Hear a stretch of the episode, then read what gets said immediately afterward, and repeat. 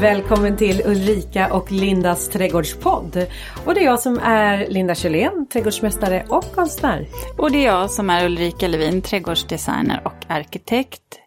Eh, idag, kära lyssnare, så ska vi faktiskt prata om växtval för krukor. För det är ju någonting som många piffar till eh, sin altan eller sin entré med nu eh, på sommaren och vår, ja, våren egentligen hela säsongen. Även vintertid har man ju dem kvar faktiskt.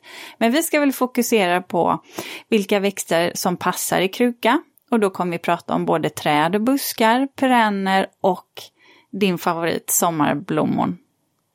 Ja, verkligen. Och också så här krukor, definition av kruka och hur ska man, eh, vad ska man ha för jord för att lyckas med sin krukodling. Så det, det är liksom fokus, fokus Mm. Fokus mm. krukodling. Men, det är de där att få de där bokstäverna i rätt ordning. Ja. Har jag smittat dig nu kanske? Ja, jag tror att, ja. jag tror att allt är ditt fel just nu Ulrika. Jaha, ja, okej. Okay. nej, jag ja. skojar bara med dig. Nej, nej, nej, spännande, kan... spännande avsnitt att börja med den ingången. Ja, okay. Men du då, mm. sen vi såg sist, mm. eh, vad du pysslat med? Och gud, den stora grävningsarbetet är igång här utanför växthuset. För nu håller vi på att långsamt eh, eh ta och eh, förändra en icke använd eller brukad jord på många, många år till att bli en odlingsbar jord. Och då har vi nu eh, satt igång att gräva upp nya odlingsbäddar för här är det ju bara ängsmark.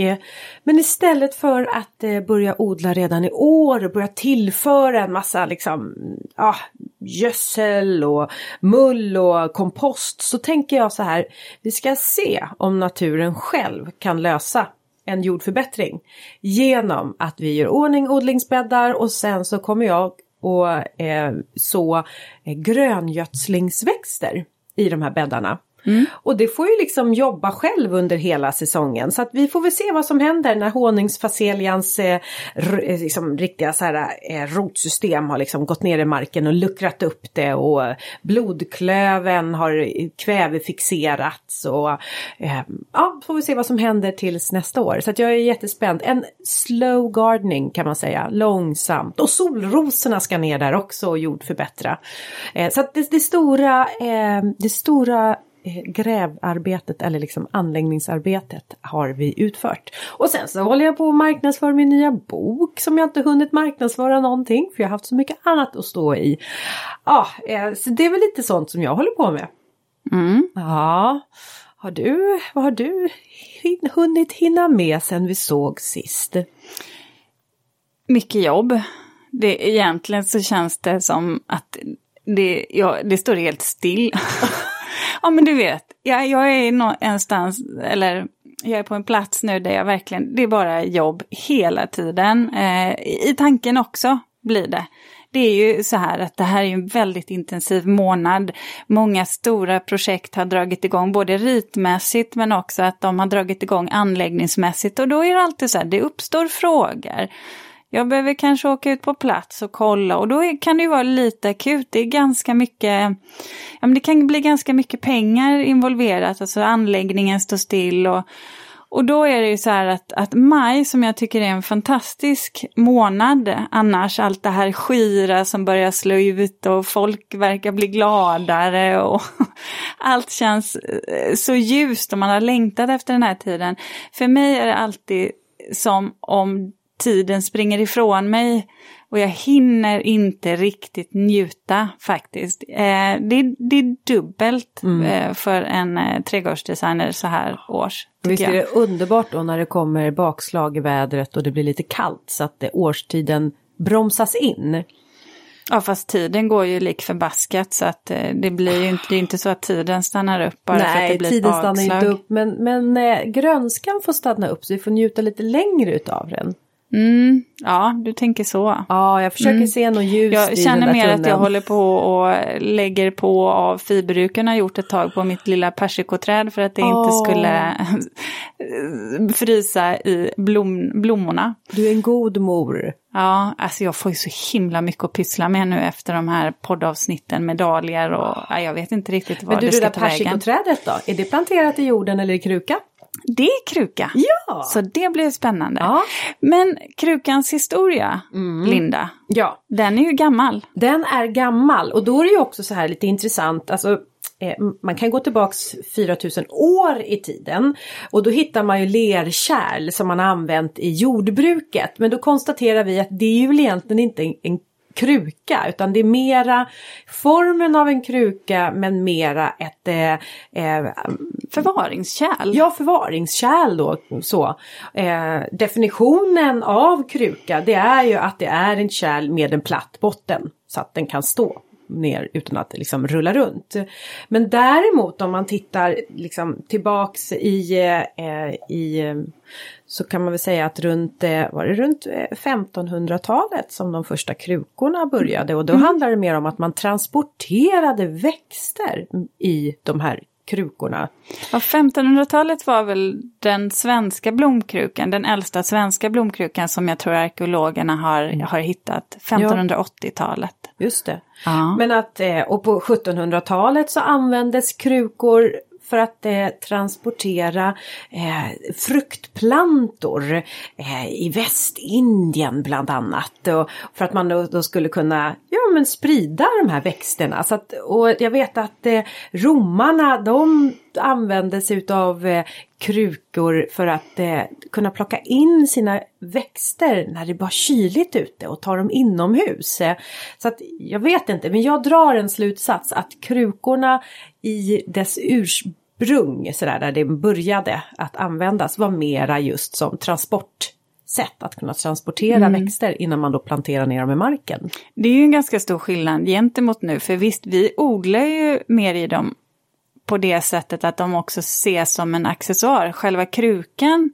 är ju också viktig till utseende och form. Ja. Oh ja! Jag menar krukan kan ju faktiskt verkligen förstärka olika stilar. Jag menar har du en lerkruka till en pelargon, är inte det bara liksom perfect match?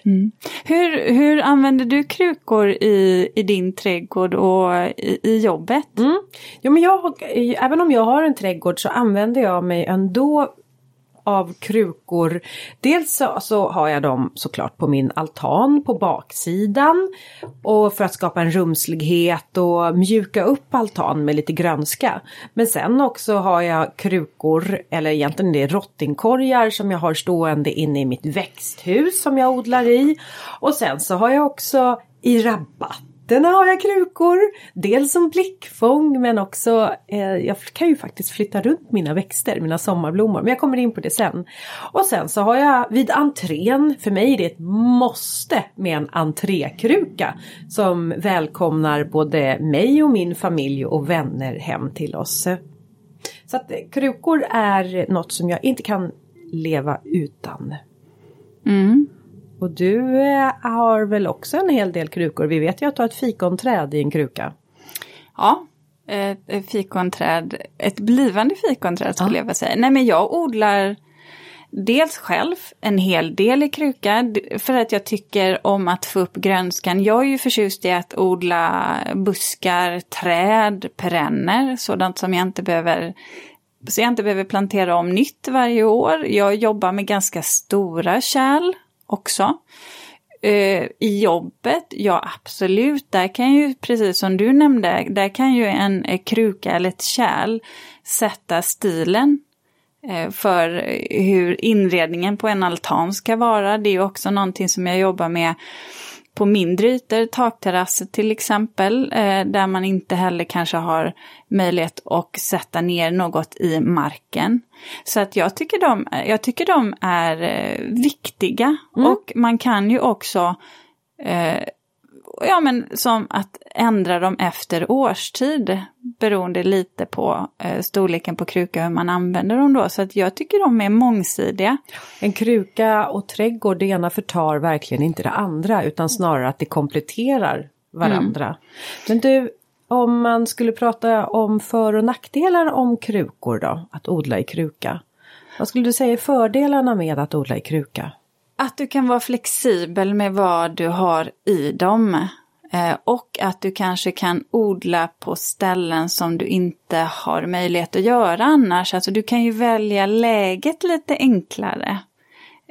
Däremot så kan jag ju, och att det kan förhöja känslan, alltså atmosfären och få upp lite grönska precis där du sitter. Så det kan vara väldigt tacksamt, framförallt om man har väldigt stora uteplatser, alltså stora stenlagda uteplatser eller grönsk, alltså trädäck. Mm. Då kan jag tycka att man behöver få upp de där krukorna. Egentligen kanske man ska göra stora hål i sin terrass istället. Men... Ja men krukorna, odla kruka, det är också så här att de här annars eh, ytorna de blir ju som öde. De blir lite sterila ja. ja. Och det där, men nackdelen är ju då det som jag tänkte på, det som jag ville komma in i, är ju, eh, komma in på eh, när jag sa att man kanske ska öppna upp för lite större planteringar runt sin uteplats istället. Det är ju att en kruka torkar ur mycket snabbare. Den är känsligare vintertid. Det är ganska svårt när man kommer längre upp i landet att odla eh, allt i kruka. Eh, det är också så att de torkar ju ur, alltså du har ju en begränsad jordvolym. Så att det kräver ju faktiskt ganska mycket skötsel och det här är ju en paradox för många. I många av mina uppdrag så, så kan jag få eh, den här kommentaren att vi vill ha det lättskött så att inte stora, inte stora planteringar utan vi vill jobba med krukor och då känner jag bara att ja, ah, okej. Okay. Eh, det där kommer kräva en hel del jobb. För vad de tänker då när man säger att inga stora planteringar, jag vill ha det lättskött. Då tänker man, är det det första man ser framför sig, ogräsrensningen då eller? Ja, tror det? och jag tror inte att man tänker på att en större plantering faktiskt har en större jordvolym och fyller man dem med rätt växter på rätt plats så har du ju en, en plantering som i princip sköter sig själv förutom vårstädning, kanske lite gödsel och sedan ansning under sommaren. Sen är ju den eh, ganska självgående medan en kruka, den får du faktiskt passa från, från dag ett. Eller mm, hur? Mm, absolut. Eh, jag kan tycka om man hänger kvar ändå med eh, fördelar med krukor så tycker jag också att med hjälp av krukor så kan man ju också markera entréer.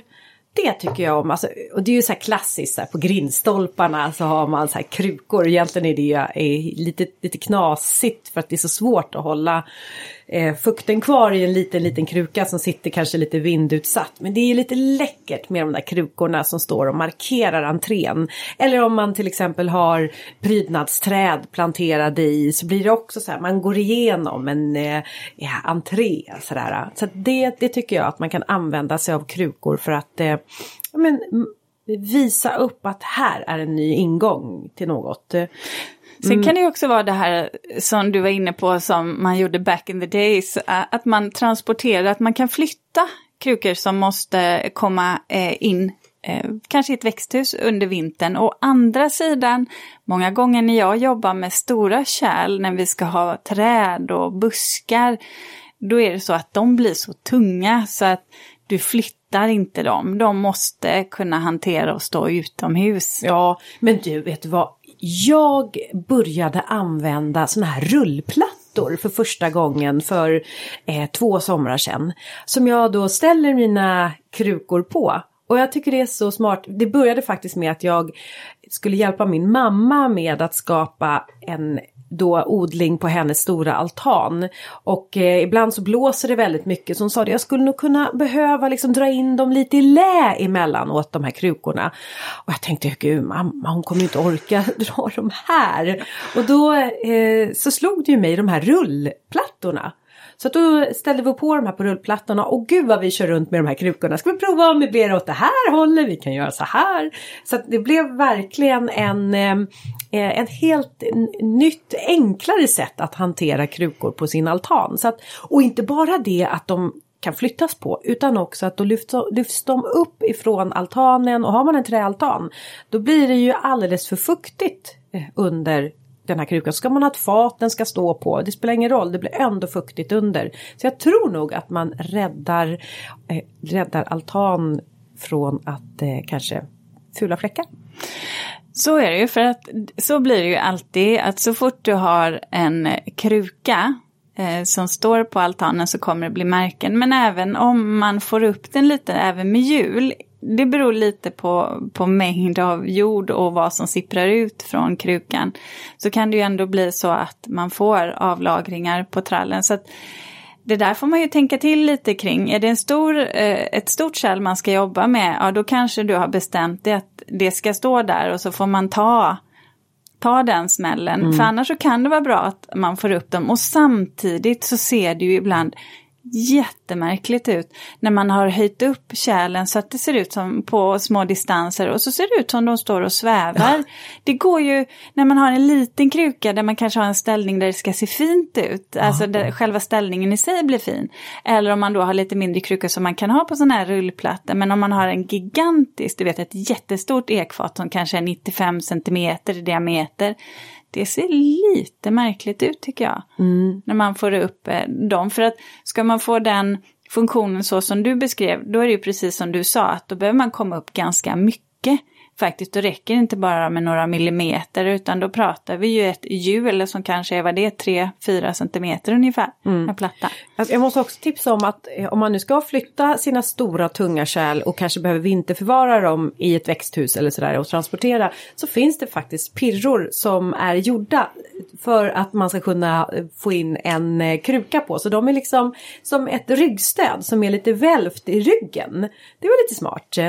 Så det brukar jag använda mig av eh, här i växthuset. Ja. En specialpirra för att ja. flytta växter. Vanlig pirra går också. Ja, men det finns specialpirror. Ja.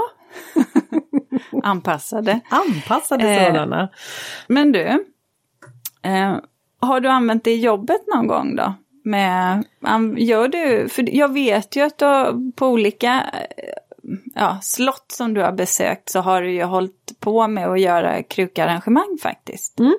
Jo men det har jag och eh, jag har alltså på olika uppdrag så har jag använt mig av krukor. Jag vet eh, i, i början av min karriär då jobbade jag och hjälpte till eh, visa husvisningar av lite större då, då eh, bostadsrättshus eh, som skulle säljas och det var bara byggarbetsplatser. Och, eh, så det var svårt att hitta till de här eh, portarna som det var visningar på eh, lägenheter på. Men då fick jag uppdraget att jo, göra då stora krukor som man kunde placera just för att markera. Så att här är entrén. Det var ett jätteutmanande uppdrag för det var ju visningar varje månad under ett helt års tid mm. och jag mm. skulle alltid ha någonting vackert i krukan. Det var inte helt lätt i januari och hitta någonting. Man fick inte Nej. ha barrväxter för det var för mycket jul och det var, ja. Aha, ja, ja. Eh, men sen har jag haft andra uppdrag också och ett uppdrag som jag hade det var ute på ett slott där man en gång tidigare haft en stor produktion utav lerkrukor. Och när man nu skulle eh, då göra en dekoration där ute som jag skulle göra, då ville man ju väldigt gärna använda sig av de här gamla lerkrukorna. Men de var ju bara borta. Eh, de hade ju funnits i produktion men inte längre. Men någonstans måste de ju finnas. Så då blev jag lite av en, eh, eh vad heter det, en som är ute och letar efter eh, jag blev inte arkeolog, men jag blev en... Sakletare. Tack!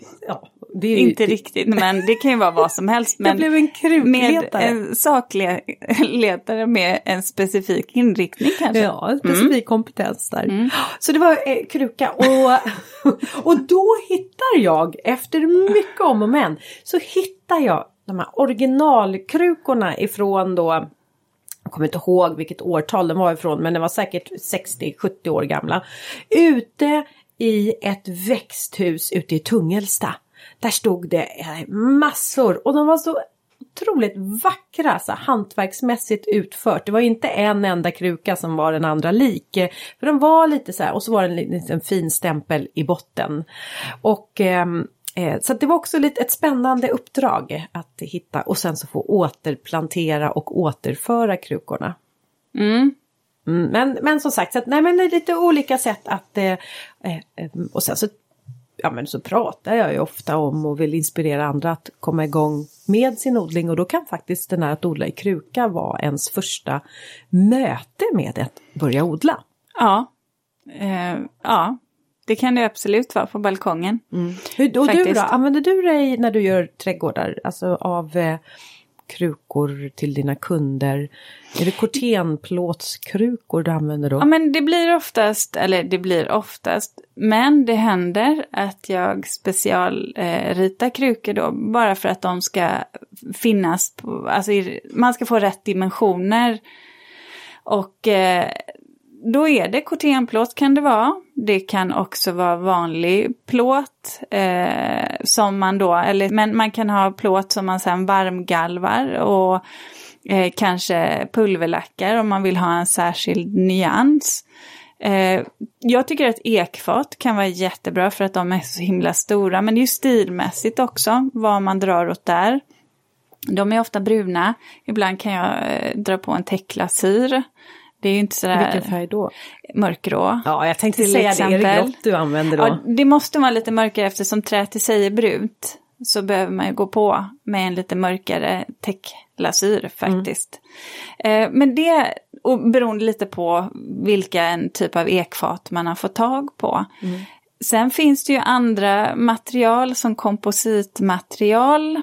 Om vi ska komma in på det. Eh, också, det är ju det här med frosttåliga krukor och jag försöker väl i största möjliga mån, varje fall när jag ska plantera flerårigt, att det ska vara frosttåliga krukor. Och då tycker jag ekfat, någonting som är i stål, är ju oftast väldigt hållbart. Kompositkrukor kan fungera ibland. Och det, kompositen, då tänker jag mer på sådana här som ser ut som någon form av betong. Sen kan de vara svarta eller grå eller eh, någon annan färg. Eh, men eh, de eh, kan jag ju tycka eh, kan gå sönder. Alltså de är inte hundraprocentigt säkra att de håller sig vintertid alla gånger. Jag har fått eh, några sprickor ibland i mina. Betongkrukor tycker jag är väldigt snygga, de är ju inte frosttåliga. Sen finns det ju olika i... Ja, men det är inte det om man lägger ner så armeringsnät i dem? Och man, så finns det säkert en sån här specialbetong man ja, kan använda. Om, ja, nu tänker jag så här att jo, jag har gjort gjutna betongkrukor eh, som ja. kan stå där. Det blir bara en frostsprängning som blir speciell. Men det jag tänker på det är väl kanske sån som man kan köpa som privatkonsument i handeln. Där, det är väldigt sällan man får en hundraprocentig garanti på sina krukor. Men sen har vi som du sa rotting. Ja, finns ja, ju. ja, åh, ja.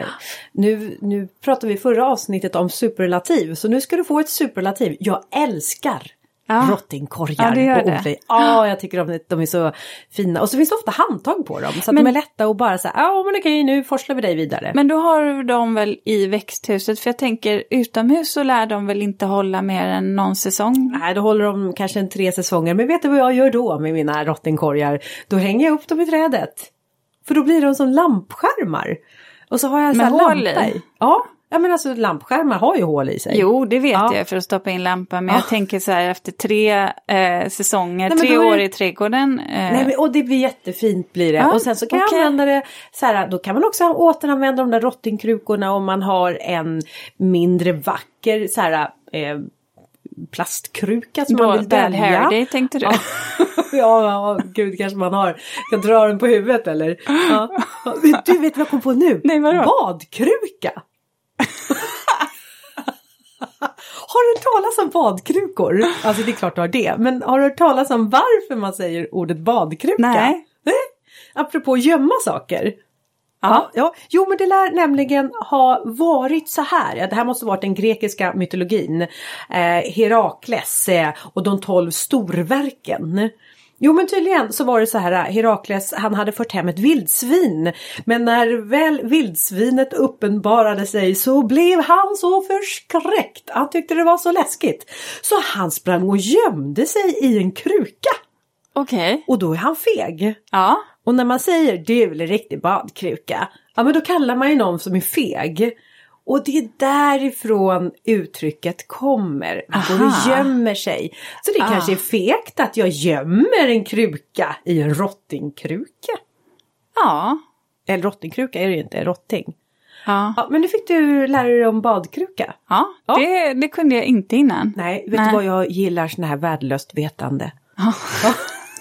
jag vet inte vad jag ska använda kunskapen till. Men jag lovar, jag kommer Jag kommer mer ihåg värdelöst, ihåg värdelöst vetande än saker som när bröt första och andra världskriget ut och vilken kung hade Men vi då? det kan du ju. Jo! Nu, nu ska jag inte sätta dig på prov, men jag fattar vad du menar. Det, Men vissa var- saker fastnar. Ja men, alltså du, första fru- världskriget alltså- var det 1914. Ja, Okej, och andra världskriget var det 1939. ja. Ja, jag kan det. Ska vi gå vidare innan vi totalt ger bort oss och måste klippa för att vi inte har koll på årtalen? Ja, just det. Ja, okej. Alltså varför ska du dra in sådana där grejer som du vet att vi kanske kommer missa på? Ja, du, jag vet inte. Nej. För att jag är så spontan. Det där med, ja, värdelöst veten tyckte jag var jättebra. Sen så, det andra hade du kunnat hoppa. det är men det du- här som är så härligt med mig måste det nog vara. Att jag är så här spontan och hamnar i klaveret kanske. Och sen har vi ju en stabil eh, Ja, person som kan, eh, oh, förlåt. Sen har vi en stabil person som kan klippa också. Det är inte jag. Nej. det, det är våran eh, ljudtekniker Peter Åh, allt i allo. och Ja, kollega. han sköter det han mesta. sköter det bästa. Han är så bra. Hurray! Nu, kom vi, nu har vi ju helt tappat bort oss. Ja, okej. Men Vi du- ska in på fördjupning. Ja, men det jag ville säga, för nu pratade vi ju om materialval för krukor. Det är ju också så här att ehm, vissa, på vissa altaner eller på, om man har balkong, eh, så kan man inte ha så mycket vikt. Och då kan ju en lättviktskruka vara det enda alternativet man har. Och ibland till och med, det finns ju odlingspåsar som man kan odla i. Eh, och det kan ju faktiskt vara ett alternativ när eh, vikten blir eh, ett problem. Så det får man komma ihåg. Mm. Och då kan man säga så här, om man ska fylla den här krukan med jord.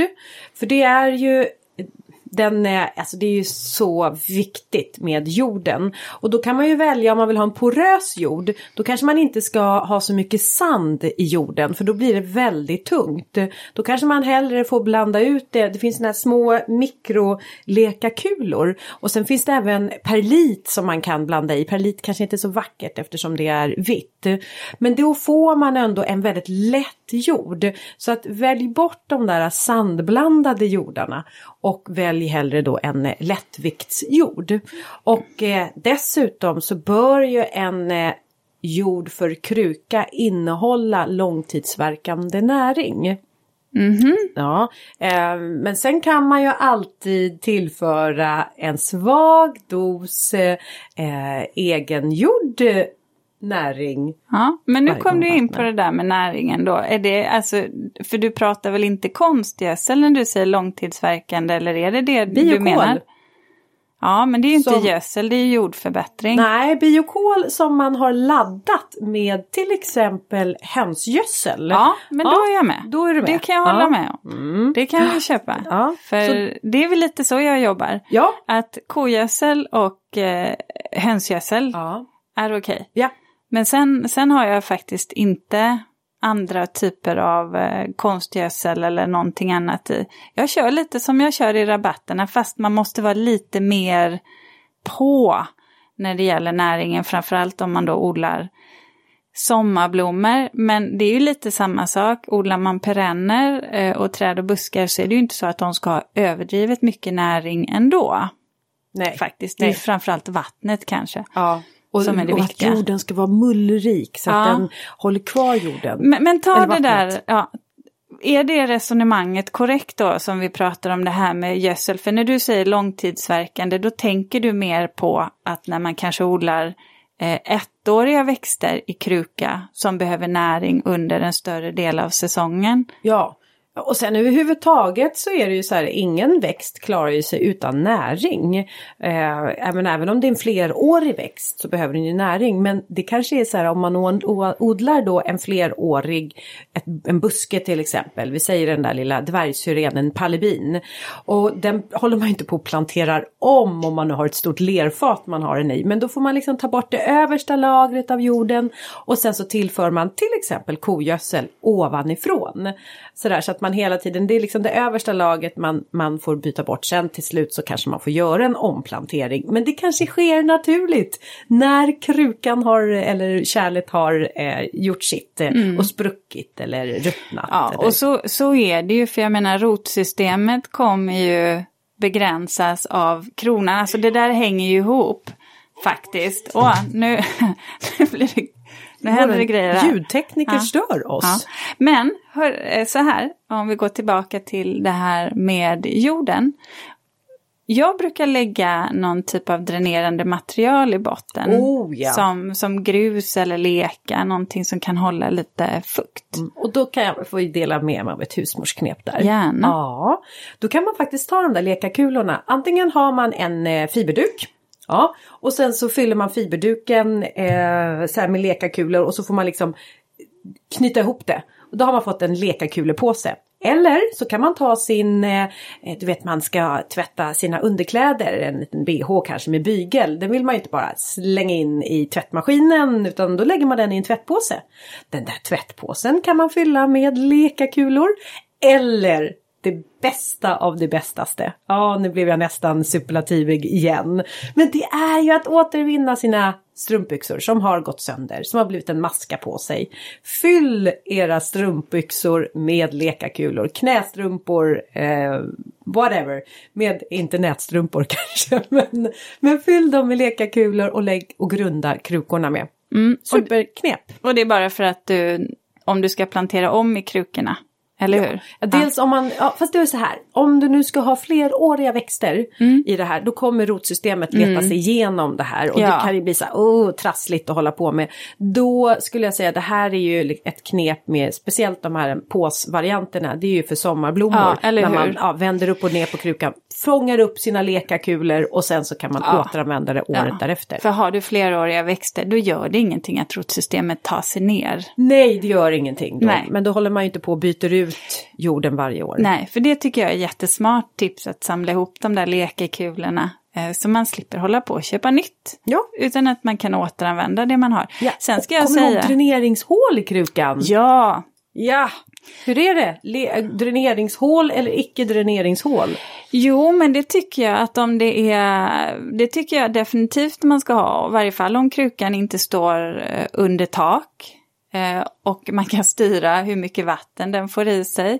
Eh, är det fleråriga växter så måste det ju definitivt ha dräneringshål. Sen kan det ju vara så, har man en liten, liten kruka, ja, eh, som man har, eh, då kanske inte är så himla farligt. Man, har, man vill inte ha krukor med hål i som står på bordet. Nej. Liksom. Då, då pajar ju... Ja, och så- jag brukar göra så här, till exempel som rosmarin har jag planterat i en eh, rottingkruka och då är det lite plast i botten så att inte vatten och jord ska rinna igenom. Och eh, då brukar jag faktiskt lugga den här eh, rosmarinen och liksom lyfta upp den och så fyller jag på vatten där nere under. Och sen ställer jag ner rosmarinen i och då får den suga upp vattnet och det är också som att vattna på fat. Eh, Så att, eh, men då är ju det en kruka som aldrig står underbar himmel. Utan jag är, eh, jag är eh, lågtrycket som kommer och vattnar. Sen kan jag tycka att när, när jag kanske tillverkar egna krukor så, ja, men så ofta så kan jag eh, sätta dräneringshålet på sidan och inte i botten av krukan. Hur kommer det sig då? Vad...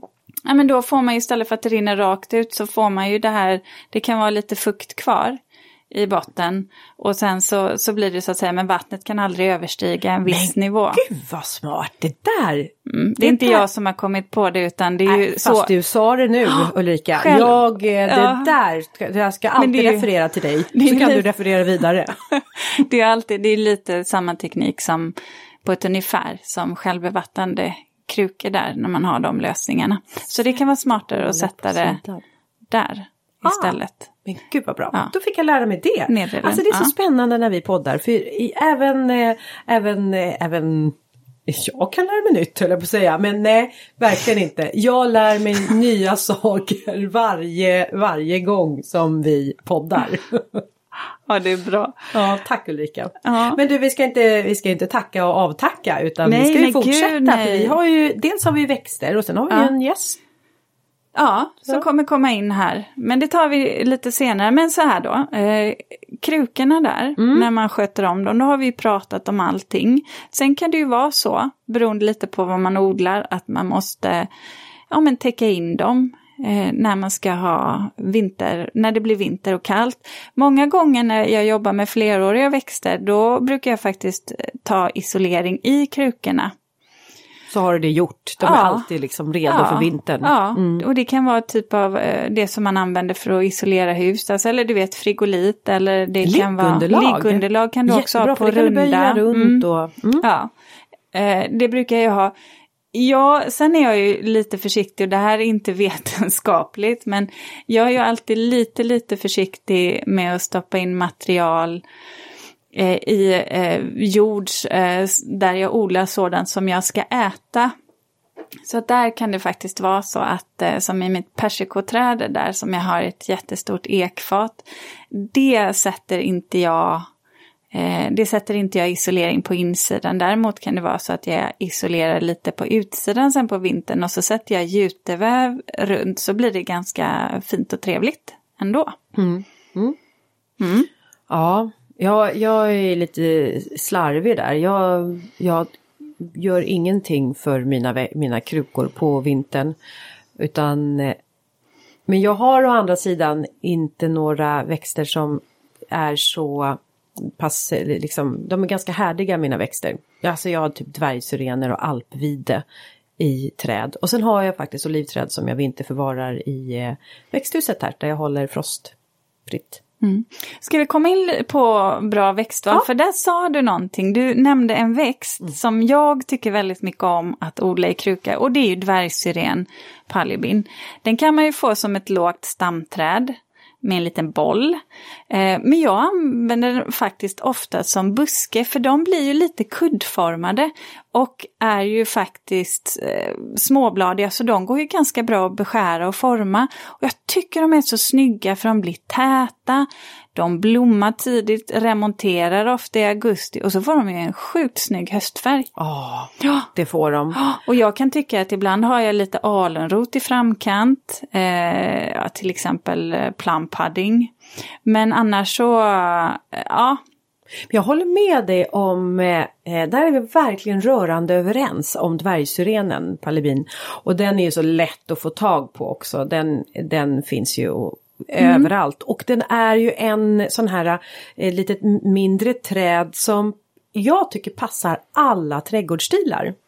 Ja det går den ju för att man, i och med att man kan beskära den också så kan man formklippa den lite. Ja, och sen så gillar man inte den skira rosa blomningen så kan man väl, får man väl gå in och putsa bort den. Men varför ska man göra det? Den doftar. Ja, den doftar. Mm. Och sen kan man få den på olika eh, höjd också. Ja, den finns på, när den är på stam ja. Ja, både på Ja. en meter och en och tjugo och... Formklippt är ju annat sånt som jag tycker är ganska eh, ja, värdefullt att ha i kruka. Och det kan ju vara att vi pratar liguster, det kan vara havtorn hikul.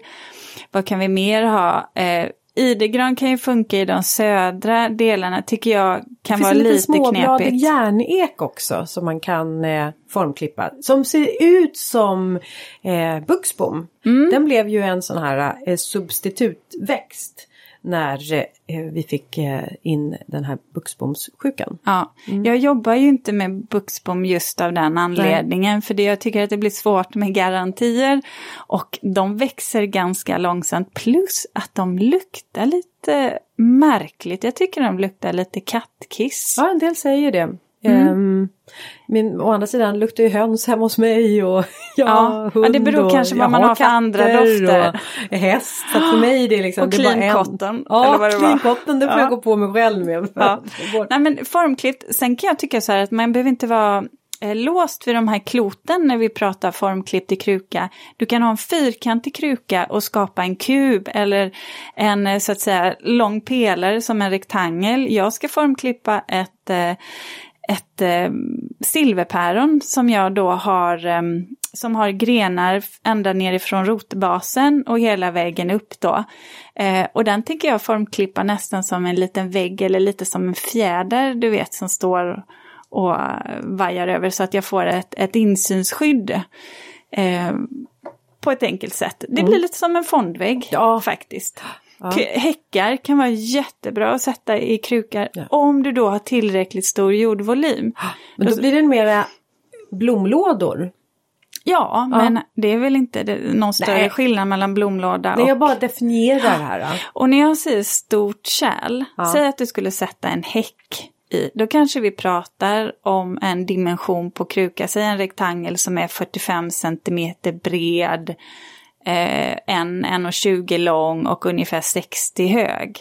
Någonstans där omkring behöver man nästan ha för att det ska vara tillräckligt med jordvolym och du ska kunna isolera. Jag hade gärna gått upp till en bredd av kanske 60 eh, för att få plats med isoleringen. Så att rotsystemet inte blir så himla känsligt. Jag kan tycka också överhuvudtaget när man odlar i kruka att man behöver ju, ju mer jordvolym man har desto bättre kommer ju också det hålla fukten kvar i krukan och desto mer balanserat blir det. Jag har på min altan så har jag äntligen lyckats hitta växter som trivs i ett så här gassande soligt läge. Det är nästan som att jag planterar, och de jag odlar på min altan som ligger i söderläge, det är som att odla i en ugn. Och det kan vara så svårt att hitta växter som trivs.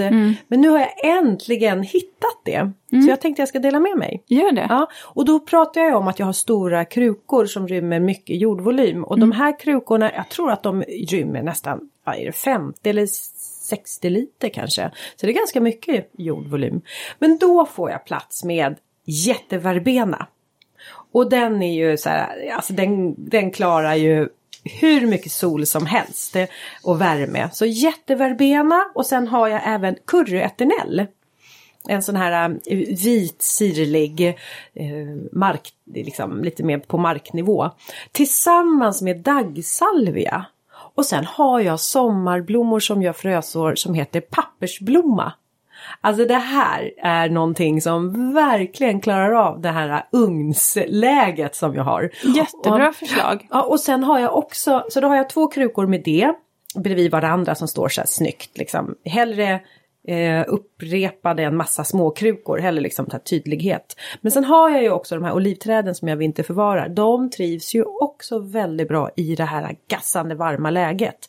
Och då har jag istället då den här daggsalvian och curryeternellen planterad där under. Så det, det är liksom ugnsläge. Vad har du för ugnsläge som du kan, har du något som du kan tipsa om? Eh, nej men då, om man ska ha fleråriga växter då kan det ju vara silverpäron som tål väldigt mycket torka. Lavendel tycker jag är bra. Salvia. Timjan? Timjan är fantastisk. Kaskadtimjan väljer ju dessutom över. Havtornhikul kan du ju formklippa. Eh, och sedan så kan jag tycka, jag, jag, är, jag kan ta jag kan ha ganska många olika träd i kruka. Det jag brukar tänka är det att det ofta ska vara det kan vara, gärna vara ett lite mer långsamväxande träd som då inte har ett så invasivt rotsystem. Det kan vara eh, träd eller buskar som jag vet att man kan formklippa lite, det vill säga utan att de tar skada så att man kan hålla en balans mellan rotsystem och kruka, vilket växten i och för sig kommer att hand om av sig självt. Eh, men jag tycker Macchia, en solitärbuske, en kan vara jättefin i kruka. Pärlhäggen, FK Göteborg E kan jag tycka är väldigt, väldigt fin. Vissa prydnadskörsbär. Fru, alltså fruktträd kan jag tycka är klockrent att ha. Uppstammade bärbuskar. Men inte, inte det gassande soliga läget. Inte gassande sol för de torkar ut alldeles för fort och det måste man ju tänka på. Eh, några av de här växterna som jag nämnde skulle nog kunna stå, ja, ha lite halvskugga. Men någonting annat som jag tycker också är väldigt fint i ett gassande solläge det är ju Cesleria nitida, glansälväxingen va? Just det. Det är ju ett gräs, det är ju vansinnigt snyggt. Alltså, ha huvud- som underplantering. Alltså prydnadsgräs och gräs, ettåriga, fleråriga är ju aldrig fel att ha i sin trädgård. Nej. Sen kan jag tycka att har man det i kruka, då kan det vara bra att välja antingen sorter som, som är ganska styva i sina grässtrån så att det inte bara lägger sig, eh, ja, bara faller ihop. Eller så planterar man lite längre ner i krukan om man har en liten avlång kruka så att, att gräset får lite stöd av krukans kanter. Det är ett ganska bra sätt för att få lite mer svajiga gräs att, att eh, hålla sig Hålla mer sig. upprätta. Ja, det var smart. Ja. Men du, eh, om, jag har ju också, jag tänker på, eh, vi hade ju ett sånt där ämne förra veckan och det var ju dahlior. Ja. De, vi kan ju, måste ju ändå säga, vi kan inte bara liksom glömma bort dahlior. De lämpar sig ju väldigt bra Ja. att ha i kruka. Ja, de fick ju ett helt avsnitt så Ja, att jag tycker så verkligen inte- inte att vi har glömt bort Nej, dem. det har vi inte. Men vi, de tåls att pratas om ändå. Vet du vad jag ska göra? Eh, eh, din sommarblomma. Cherry Caramel, Ja, eh, heter det va? cherry caramel. Ja, caramel. Ja, caramel. Eh, den tänker jag faktiskt sätta tillsammans med en mörkbladig alunrot. Ja, det kommer bli Det kände jag. läckert. Mm, Ja, ja, ja. Det kommer bli fint va? Ja, det blir snyggt. Och annars är det ju liksom sommarblommor, ja, luktärtor Mm. i kruka. Och gärna då som får klättra upp som blir också, då kan man ju liksom använda dem också som de här mera portalerna eller liksom som förklarar entrén in till någonting nytt. Ja, kan man använda utav dem. Verkligen. Någon, någon växt som alltid bör planteras i kruka om man har problem med jordloppor. Du vet, jordloppor som lever i marken, de älskar att äta ruckolans blad.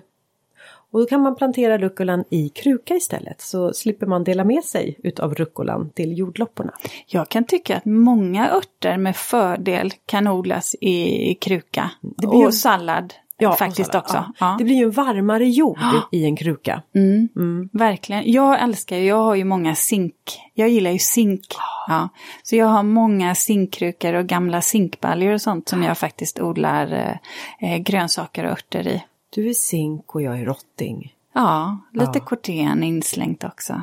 Ja, Kan lerkruka säger jag då. Ja, du ser. Alltså, jag vi- tänkte in det hela. ja.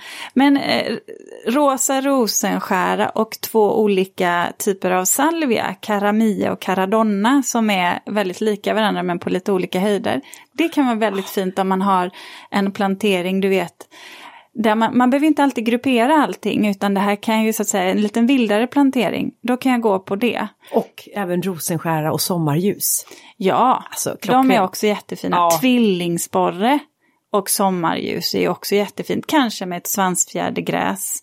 Om man då, eh, kanske jag skulle välja det rödbladiga. Mm. Ja men det blir snyggt där. Ja, det blir så snyggt blir det verkligen. Sen kan jag tycka att i skugga, Ja, så vet du vad jag tycker är ganska fint? Det är att ta till exempel en hosta. ja. Som Hosta Patriot och sen kombinera den med mur, eh, vad heter den, ampelviol eller snöflinga. ja, det var fint. De ihop. kan vara väldigt fina att ha i kruka. Får jag slänga in en liten träjon där också? En liten, alltså ormbunke. Eh, inte in till Inte- min plantering. Ja, men jag slänger in den i min plantering, i min rottingkruka. Så här, stora härliga, och gärna de där som har lite så bronsfärgade eh, bladverk. Och där kan jag tycka samma sak där, plantera den lite längre ner i krukan.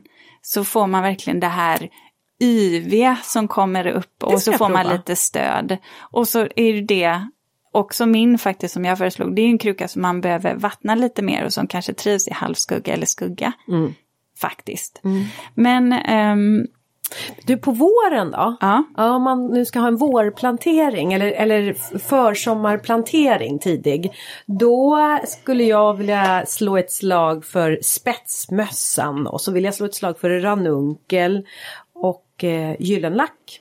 mm, Och varför inte tillsammans med alunrot? För alunroten kan ju alltid vara som en bas i en kruka.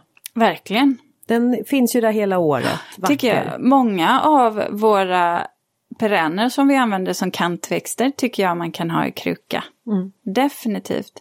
Sen kan jag också, någonting som jag skulle vilja säga som jag ofta ser i kruka, eh, men som jag tycker faktiskt funkar dåligt, det är ju bambu.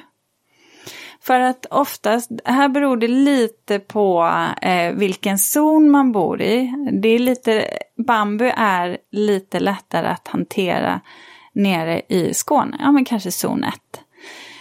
Men jag kan tycka att många gånger så blir de här bambuna, de kan vara fina under en säsong om man då är noggrann med att vattna dem. Men sen så kommer kylan och så blir de lite mer utsatta och då kommer man inte ihåg att vattna så mycket, det har varit lite frystork under vintern och då är de inte så snygga längre. Ganska jobbigt att gå in och börja putsa en bambu och Det är klippa bort allt dött. Jätte jätte, jättejobbigt. Alltså och sen det- blir det det är ju en- ingenting kvar. Nej, det är inte ens mindfulness att nej, hålla på med det. Nej, det ska man alltid ja, ha. Ja, nej, jag håller med. Jag, jag tycker aldrig att de blir fina.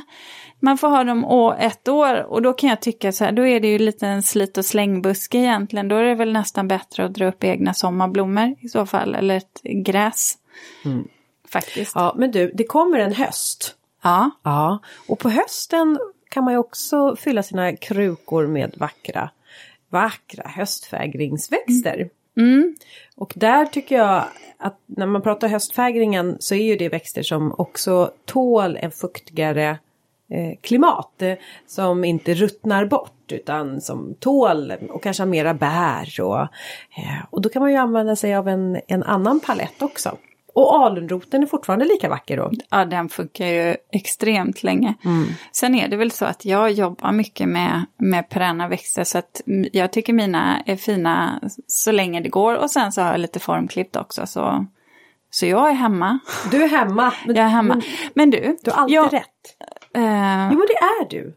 ja okej. Ja, jag Tack. tänkte nu kommer en, en, en du ska Ja. kom, säga emot Ja. mig. Det får du inte göra. Nej, vet du vad? Jag tänkte att vi skulle ringa upp eh, Kristina Dart eh, som faktiskt sitter i juryn för årets sommarblomma. För att vi hade ju väldigt olika åsikter om förra årets sommarblomma. Så jag tänker vi, vi slår henne en pling och så får vi höra efter vilka kriterier som gäller för årets sommarblomma. Okej.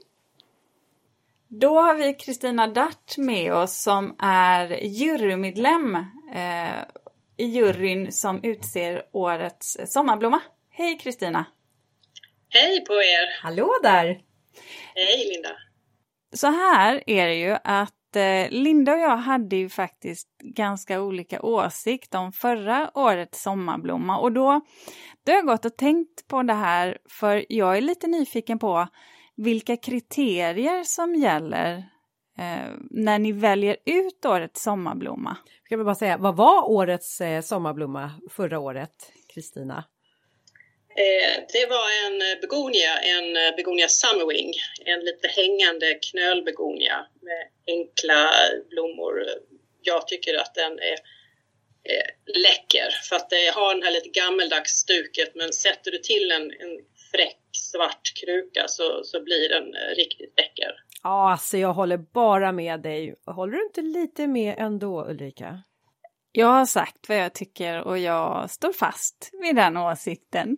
Men eh, Kristina, vad, vad, är det för, vad är det för kriterier eh, som ska uppfyllas för att en blomma ska få eh, kallas årets sommarblomma? Eh, den måste vara odlingsvärd och då menar vi både för odlarna som ska odla den eh, till konsument och att konsumenten ska kunna lyckas med den eh, i sina egna eh, odlingar i krukorna till exempel. Eh, Den ska ha en lång blomningstid. Eh, Gärna det är ett extra plus om pollinerarna tycker om dem. Eh, och sen så ville vi gärna lyfta fram kanske någon lite så här bortglömd sort som eh, vi tycker att ja, konsumenten och, och, och kunderna borde få upp ögonen för helt enkelt. Eh, så så började det. Mm. Intressant. eh, Och jag tänker begonia är ju också en, en gammal växt, alltså en gammal växtslag som verkligen tåls att lyftas fram. Så jag förstår vad du menar. När, när eh, presenteras årets sommarblomma? Eh, ja, det har ju varit i samband med första dagen på Malmö Garden Show. Eh, i, brukar vara då i månadsskiftet maj-juni. Nu har ju inte det eh, varit de här två, två åren då, eh, så att det har gått online istället. Och i år kommer den att presenteras den 3 juni. Ja, då blir Och det då blir det bland spännande. annat i sociala medier och på nätet och så. Men du, Kristina, vi har ju haft eh, vi har ju pratat om eh, krukor här, alltså krukplanteringar, kompositioner. Och då tänkte jag, eftersom du också är en hängiven trädgårdsentusiast själv, vad skulle du eh, rekommendera att sätta samman för komposition i kruka till sommaren? Alltså, jag är väldigt förtjust i vårt första val eh, och det är, en eh, salvia som heter Mystic Spire. Och det är en daggsalvia som är lite större. Den har en större blå kolv till blomma och den fullkomligen älskas av både fjärilar och bin och humlor. Eh, så det, det var liksom ett perfekt första val. Och den blommar hela sommaren och ända ja, långt in i hösten. Och jag tycker det är väldigt fint att sätta ihop den tillsammans med en av mina andra favoriter som dock inte har blivit vald ännu till årets sommarblomma. Och den är eh, en Euphorbia Diamond Frost som blommar med små, små, små vita blommor översållade och är supertålig. Eh, eh tål att stå soligt och lite skuggigt och det händer inte jättemycket om man råkar glömma lite med vattning och sådär. Eh, och sen så tycker jag det är också fint att ha någonting som hänger över krukkanten och då gillar jag den här Dishondra eh, eh, silvernjurvindan. Eh, och jag tycker den här blir så lite svalt och fräsch eh, i färgkombinationerna. Det här låter som en kombination som passar dig också Ulrika. Ja, jag, jag var med på tåget den här gången, ja. verkligen. Jag hade ju önskat mig att du, du rabblade upp några vackra samplanteringsväxter till den där begonian, men den, jag förstår, den är så vacker så att den kräver inga samplanteringsväxter, den bara är.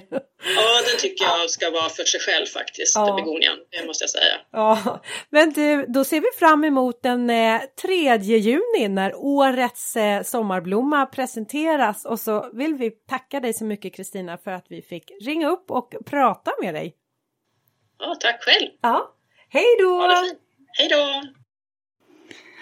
Okej, då vet vi vad som gäller. Den ska framförallt vara odlingsvärd. Odlingsvärd och eh, vi vet också att eh, i början av juni då smäller det. Ja, men du Linda, eh, nu när vi ska eh, börja runda av. Vad har du för reflektion för veckan? Eh, nej men jag har väl en reflektion när man eh, när man jobbar, alltså alla som jobbar vi utsätts ju för konkurrens, eh, gör vi. Och, eh, eh, och det kan ju vara mer eller mindre kännbart. Och ibland så, så känner man, eller jag kan uppleva ibland att eh, åh, det kan vara tufft och man backar och man känner, vänta, nu ska jag fortsätta? Eller ska jag bara Ska jag hoppa av? Alltså det, jag är ju ett eget företag så att för mig handlar det ju också inte bara om eh, Det handlar ju om en försörjning också. Att man hela tiden ska liksom Åh, jag måste hitta nya uppdrag. Eh, man kan ju snegla då på en löntagare som, som får sin månadslön den 25. Jag har ingen aning om ens vad det är för datum för att det finns inga datum som är lönedatum. Och sen så känner man att åh, nu springer någon annan förbi mig och, åh, och och sådär. Och då så kände jag att eh, jag sprang på ett sånt himla bra ordspråk. Och det var nämligen som så att jag började tappa lite liksom farten här eh, för ett par veckor sedan. Och det var tungt var det. Eh, men så slog det mig när jag läste det här ordspråket och det lyder så här. Jag backar bara när jag tar sats. ja. Ja, och jag har tagit sats nu.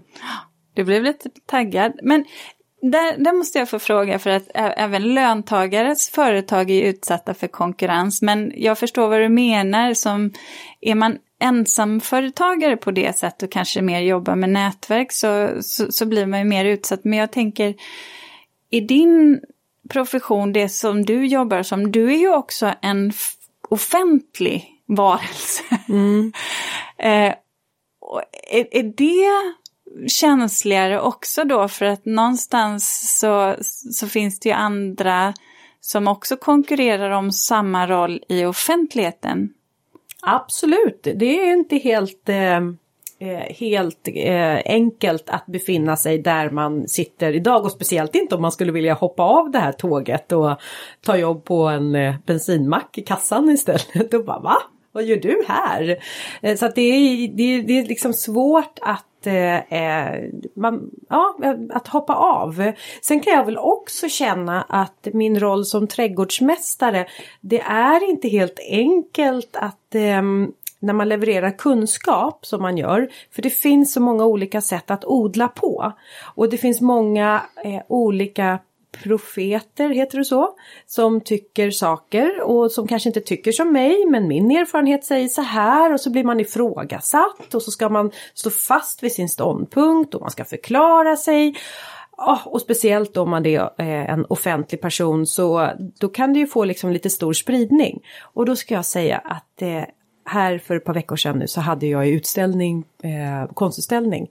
Och det var så skönt med mina målningar för jag behövde inte försvara dem ett dugg. Alltså tyckte de inte om mina målningar, so what? Tyckte de om dem, tack! Men det var ingen som sa så här, varför har du målat så här? Hur kunde du säga så här? Hur kunde du fatta penseln så här? Utan det var bara så här Tyckte, ah, tyckte de inte om det så gick de förbi eller och det med, var så skönt att med jag bara... ett betraktande öga. Ja, mm. och då kände jag så här, ah, kanske att man skulle slås in mera på konstnärsspåret. Det är så skönt att inte bli ifrågasatt på det sättet. Mm. Eh, men nu, ja. Så det, det men nu tog du ju sats. Ja, nu har jag ju tagit sats. Ja. Har jag gjort. Så ja. nu, nu får du leverera. Ja. Åh oh, nej, bara... Så jag inte sitter utan poddkollega. Jag backar igen tror jag. Ja, nej. jag, jag behöver ta sats igen. Nej. Ja, men det är en reflektion. Det är, en, ja. det är inte alltid lätt att vara eh, Linda. Mm. Nej, jag kan, jag kan förstå det fullt ut. Mm, så var, var lite, vi får vara snälla mot varandra. Mm. Mm. Jag, jag gör mitt bästa. Ja, ja det gör verkligen. Ja. ja, men låt höra dig då. Eh, jag kopplar lite an till pandemin som vi har varit inne på flera gånger. Du eh, såg ju där ljuset i tunneln sa du. Mm, det sa jag förra gången vi ja, pratades vid. Ja, eh, och jag tänker också på att jag har märkt en skillnad nu, jag har ju nämnt det här innan, men nu när jag är ute och går eller springer så märker jag att folk är inte alls lika benägna att gå åt sidan längre som man var innan. Eh, att man gick på varsin kant. Nej, nu går man rakt fram och då tänker jag så här, ja, kanske vaccinerat, kanske antikroppar, jag vet inte. Men det är mer vanligt. Det som däremot inte har varit så trevligt är väl eh, fortfarande hur, hur barnen kan bli behandlade, mina eh, yngsta då. 13 eh, och 12, eh, 11.